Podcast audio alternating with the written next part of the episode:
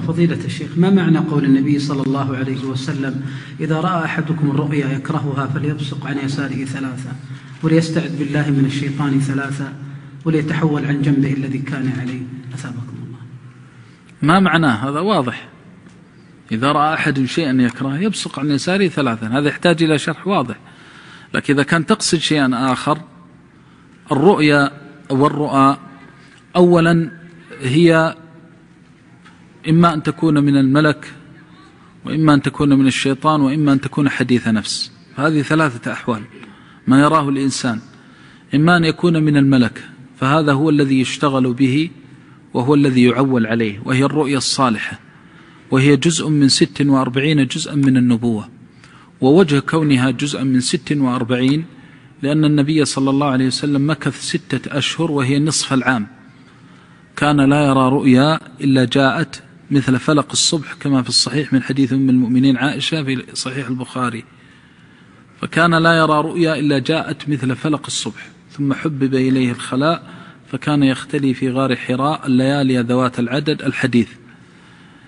فلما كانت مدة الوحي الأولى الإرهاصات والتمهيد للوحي بدأت بالرؤى واستمرت ستة أشهر وهي نصف العام والنبوة كلها ثلاث وعشرون عاما فإن النصف العام من ثلاث وعشرين عاما تعادل جزءا من ست وأربعين جزءا من النبوة لأن ثلاثة وعشرين إذا ضربتها في اثنين بست وأربعين والستة الأشهر نصف آه، واحدة من هذا الجزء وعليه فإنها تكون جزء من ست وأربعين جزءا من النبوة.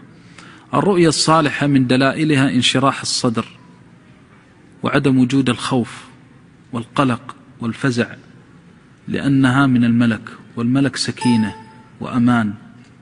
يأتي بسكينة وأمان تحس بشيء من الارتياح. والملك ولذلك قالوا من دلائل ليلة القدر حصول السكن وعدم وجود الخوف. لماذا؟ لأن الله يقول تنزل الملائكة والروح ثم قال سلام هي. فالملائكة تفر منها الشياطين وإذا فرت منها الشياطين فر الخوف والبلاء كله. لأن الذي يجلب الخوف والقلق ولذلك أعقل الناس في الدنيا وأعرفهم بالشيطان من إذا, في من إذا وجد في نفسه ضيقا أو بلاء عرف أنه من الشيطان. وأي أي شيء تجده يضيق بالنفس تعلم أنه من الشيطان. وعندها تستعيذ بالله عز وجل. فإن استمر وكان بلاء تعرف أنه بلاء وحينئذ تستغفر. فالمقصود أن الرؤية الصالحة فيها انشراح للصدر فيها طمأنينة. وحتى إن الإنسان يقوم من بعدها بنوع من الارتياح يحس أنه شيء يختلف عن الأشياء التي رآها. ثانيا أن الرؤية الصالحة رموزها واضحة وتأويل الرؤى شيء منه يكون إلهاما من الله عز وجل لقوله تعالى ويعلمك من تأويل الأحاديث فبين أنه إلهام.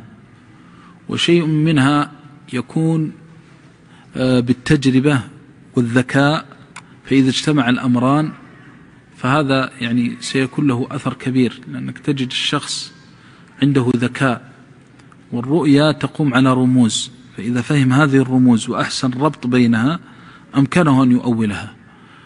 فإذا السنة ثابتة بأنه إذا كانت الرؤيا صالحة فلا إشكال أنها جزء من ست وأربعين جزء من النبوة وهي واقعة لا محالة. تبشر بخير. وهذه تنقسم إلى قسمين. إما أن تكون البشارة للإنسان في خاصة نفسه ومن يتبعه كأهله وولده وإما أن تكون بشارة للأمة كأن يرى رؤيا تتعلق بالأمة وفيها بشارة بفرج أو نحو ذلك. فهذا نوع الرؤى الصالحة. ويكون الرمز فيها واضحا لمن أراد أن يؤولها يجد الفقرات بين الرؤى مترابطة. لكن إذا وجدته يرى شيئا ثم فجأة ينتقل إلى شيء آخر ثم تتداخل الأشياء. ولا تستطيع الربط. تعرف أنه الشيطان يعبث به وفي بعض الأحيان يعبث الشيطان بشيء يريها أنه صالح. فلما يريد أن يعبث بالشخص بشيء صالح يأتي بشيء هادئ فيأبى الطبع إلا أن يغلب صاحبه لأن طبعه الخبث. فيختلج عنده الأمر فيرجع إلى أمر ثم تحس أن الرائي على غير آه، اتصال لا يجد فقرات الرؤى متصلا متصلا بعضها ببعض لأنها تختلج الشيطان تختلج. وأما بالنسبة لحديث النفس أن يكون الشخص مثلا في يقظته يسيء الظن بشخص أو يحسن الظن بشخص. ثم إذا نام حدثته نفسه بنفس الشيء الذي يرى الشيء الذي يعتقده بنفسه على طريق رموز ويتوافق الظاهر مع الباطن. وهذا ذكره شيخ الإسلام في تلاع رحمه الله في الفرق بين أولياء الرحمن وأولياء الشيطان. أن أولياء الشيطان يعبثون ب يعني لما كان بعضهم يضحك على بعض الصالحين ويهيئ لبعض أتباعه أن التابع يعتقد شيئا في من هذا فيعظم له ذلك الشيء فينام فيرى ذلك الشيء وفق اعتقاده ونفسه وليست برؤيا صالحة. الأمر الثالث ما كان آه، من ومن حد من ما كان من الشيطان وهو أخبثها وما كان من الشيطان يأتي على صور عديدة. في بعض الأحيان يكون طبعا الذي يرى من الشيطان فيه الخبث وفيه البلاء على الإنسان وعلى غيره وقد يريه السوء في أهله وزوجه وقد يريه السوء في ولده وقد يريه السوء في أعز الناس وأقربهم منه فيخون الأمين ويبطل المحق وتساء الظنون بالبريء ويتهم الناس بدون حق. لأنه هذا هذا عمل الشيطان. عمل الشيطان أن يوقع وقل لعبادي يقول التي هي أحسن إن الشيطان ينزغ. هذا من نزغ الشيطان. وقد قال يوسف عليه السلام من بعد أن نزغ الشيطان بيني وبين إخوتي فالشيطان شأنه النزغ. ومن هنا يأتي مثلا فيري الرائي رؤيا سيئة في زوجه فيشككه في زوجته ويريه في ولده فيشككه في ولده أو في عامل أمين عنده يريه رؤيا يلبس عليه أنه يخونه. ولذلك باب الرؤى باب خطير. ولا يجوز لأحد أن يتصدر لتأويل الرؤى إلا إذا كان قد علم هذا العلم من أهله. وأصاب في في يعني يختبره من عنده علم ويأذن له بالتأويل وتعرف منه الإصابة في أكثر أحواله. لأن اليوم نجد حتى بعض الأخيار يقول لك فتح علي في تأويل الرؤى فتح علي. والله لا فتح عليك ولا غيره. هذا دين وشرع. إذا جئت تتقحم نار الله على بصيرة.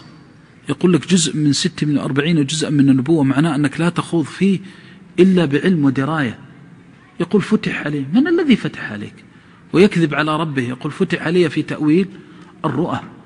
هذا ما يجوز ما يجوز إلا إذا جلس بين أيدي أناس حتى الناس الذين يشهدون له يعرفون بالإصابة يعرفون بالإصابة أنه تأتي رؤى تذكر لهم رؤى ثم ينظر تأويلهم لها.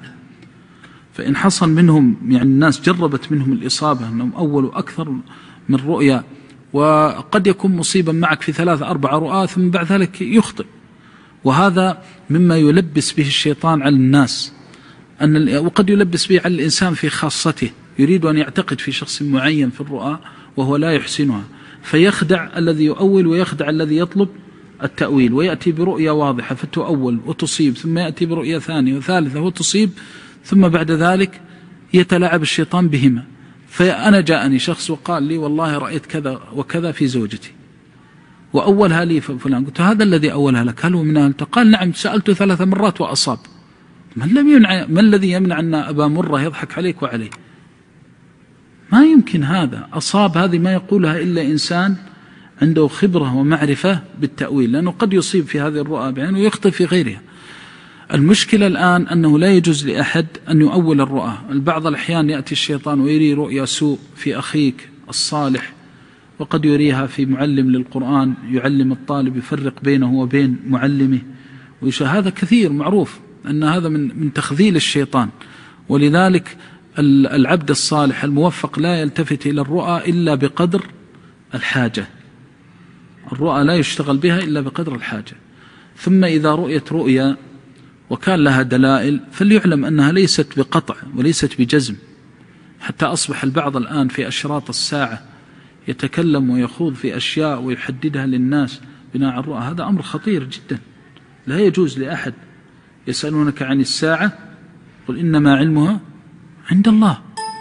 فهذا شيء استأثر الله بعلمه. أمور الساعة والأمور المغيبات الكبرى التي تكون العلامة الساعة الكبرى التي تكون بين يديها هذه كلها لا يجوز لأحد أن يحدد للناس فيها شيئا.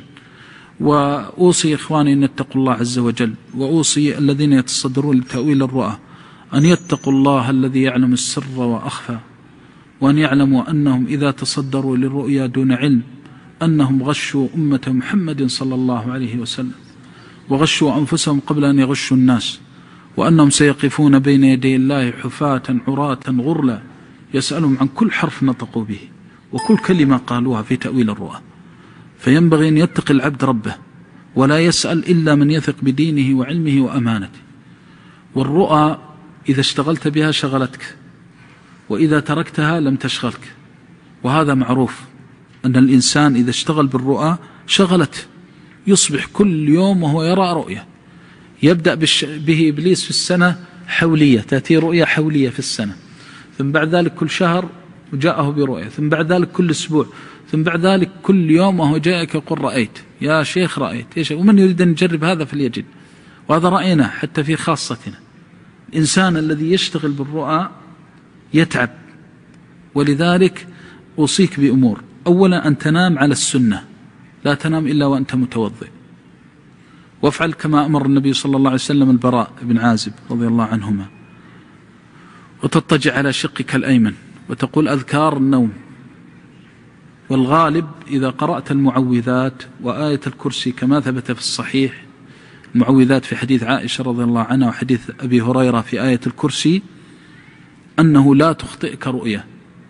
إذا نمت على طهارة وقرأت المعوذات وهذه هي الغالب التي يكون فيها الرؤى الصالحة.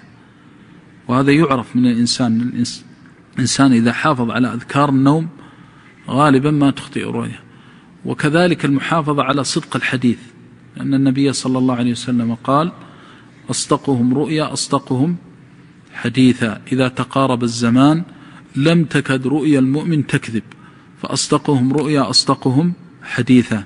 هذا يدل على أن صدق الرؤيا مؤثر. أما ما ذكرته إذا رأى حلما من الشيطان فإنه يستعيذ بالله عز وجل منه إذا استيقظ. ويتفل عن يساره ثلاثا. ويكون قال بعض العلماء هو النف وقال بعضهم بريق وبعضهم يقول بدون ريق. لكن قوله يتفل يقول يدل على أنه بريق وهو الأقوى. يقول يتفل ثلاثا عن عن كتفه الأيسر ثم يتحول عن الجنب الذي كان عليه. إن كان على جنبه الأيمن انقلب على جنبه الأيسر. ويستعيذ بالله عز وجل منها ولا يذكرها لأحد لأن النبي صلى الله عليه وسلم نهى أن يتحدث بهذه الرؤية ما يتحدث بها أحد ما يحدث بها أحد. وإن رأى رؤيا صالحة حدث بها من يحب لأن من يكرهه يحسده ويضره ذلك إذا شاء الله له الضرر. فهذه هي السنة أنه يراعي هذه الأمور. لكن ينبغي أن ينبه أن الرؤى المزعجة لا تقال ولا تحكى. إذا رأيت رؤيا مزعجة رأى الإنسان رؤيا مزعجة في زوجته. أو في بعض الأحيان تكون رؤيا مزعجة في ظاهرها وهي بشارة بخير. بعض الأحيان يرى رؤيا مزعجة وهي بشارة بخير. وهذا حصل مرات يعني جينا بعضهم مرعوبا. حتى بعضهم مرة جاءني وقال رأيت في غرفة النوم كذا وكذا. فقلت له عليك دين؟ قال نعم. قلت سيقضى لك في ثلاثة أشهر. إن شاء الله يعني ارتبط. والله ما مضى ثلاثة أشهر له جاء فرح. ويقول لي أبشرك أن الدين قد قضي. وهي لو رأيتها الرؤيا نفسها مزعجة لكن هي تشير بمضمونها لأنه تلف المال فهي تأتي على تلف المال وتأتي على ذهاب الهم وهمه الدين. فصار حملها على الدين أقرب من حملها على المال لأن الرجل فقير ومن هنا قوي حملها على الهم أكثر من حملها فهي تختلف باختلاف الأشخاص باختلاف الأحوال ونفس الذي يحكيه الإنسان. وعلى العموم أهم شيء أن ينبه عليه مما عمت به البلوى عدم الاشتغال بالرؤى وخاصة في الدين. الرؤى لا تثبت الأحكام الشرعية ولا تحدد بها السنن الإلهية ولا تفسر بها النصوص النبوية. الرؤى إن كانت صادقة فأمر الله ماضي ماضي وإن كانت غير ذلك فالإنسان لا يحمل النصوص ما لا تحتمله. يرد إشكال عند البعض وهذا مهم جدا وإنما أسهبنا فيه لعموم لوجود الحاجة وعموم البلوى به. وبعض الأحيان أنا أسهب في بعض الأسئلة لأنه جاء أكثر من سؤال حول الموضوع. ولذلك اضطر أن أتوسع في الموضوع ليس غفلة مني عن مضمون السؤال. من الأمور التي يعني يحسن التنبيه عليها في قضية الرؤية. في بعض الأحيان آه، تأتي الرؤيا مزعجة وتؤول وتقع. ثم مرة ثانية نفس الشيء ثم مرة ثالثة نفس الشيء يقع هذا. وهذا ذكر بعض العلماء أنه قد يكون من الشيطان باستراق السمع. أنه يسترق السمع ويصيب في واحدة ويخطئ يكذب معها تسعة تسعمائة وتسعة وتسعين تسعة وتسعين كذبة. ويصيب في واحدة. ويحكي هذه التي استرقها. وهذه فائدتها عند الشيطان وهي مضرة وليست بمفيدة. وهذا يذكرها حتى شيخ الإسلام يذكر في مسألة كيف يعبث الشيطان بأوليائه في مسألة ادعاء علم الغيب وإصابة المبطل. ادعاء علم الغيب أن بعض الأحيان لما يأتي يدخل يقول له الولي والله أنت اليوم تفكر في كذا وكذا. قال إنه نجي الشخص يخبر نجي الذي يزعم أنه ولي وهو ليس بولي من الشياطين يعني أنهم أولياء لبعضهم. استمتع بعضنا ببعض وبلغنا أجلا الذي أجلت لنا. فهذا من الاستمتاع أنهم يحدثوا بعضهم بعضا بما يكون. فيقول له أنه مثلا أنت اليوم قصدت كذا وأنت تريد كذا فالشخص الذي يسمع هذا الكلام يقول هذا ولي لأنه ما الذي أدرى؟ وهذا أمر من علم الغيب. لكنه بالنسبة للشيطان أن النفس تتحدث فيكون من حديث الشيطان الذي ينقله إلى نجي آخر.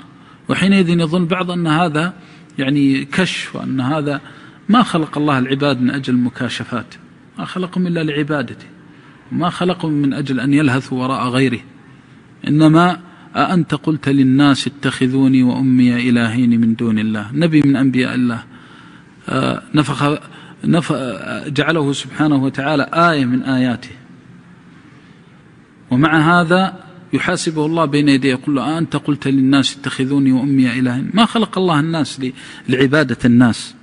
من أجل أن يقدسوا فلان وفلان فيقول يعني أن يجعل هذه المكاشفة هي الأساس. أبدا خلقهم لعبادته وطاعته وتوحيده والإنابة إليه وأخرجهم من ذل العبادة لغيره لعبادته لعز عبادته سبحانه وتعالى.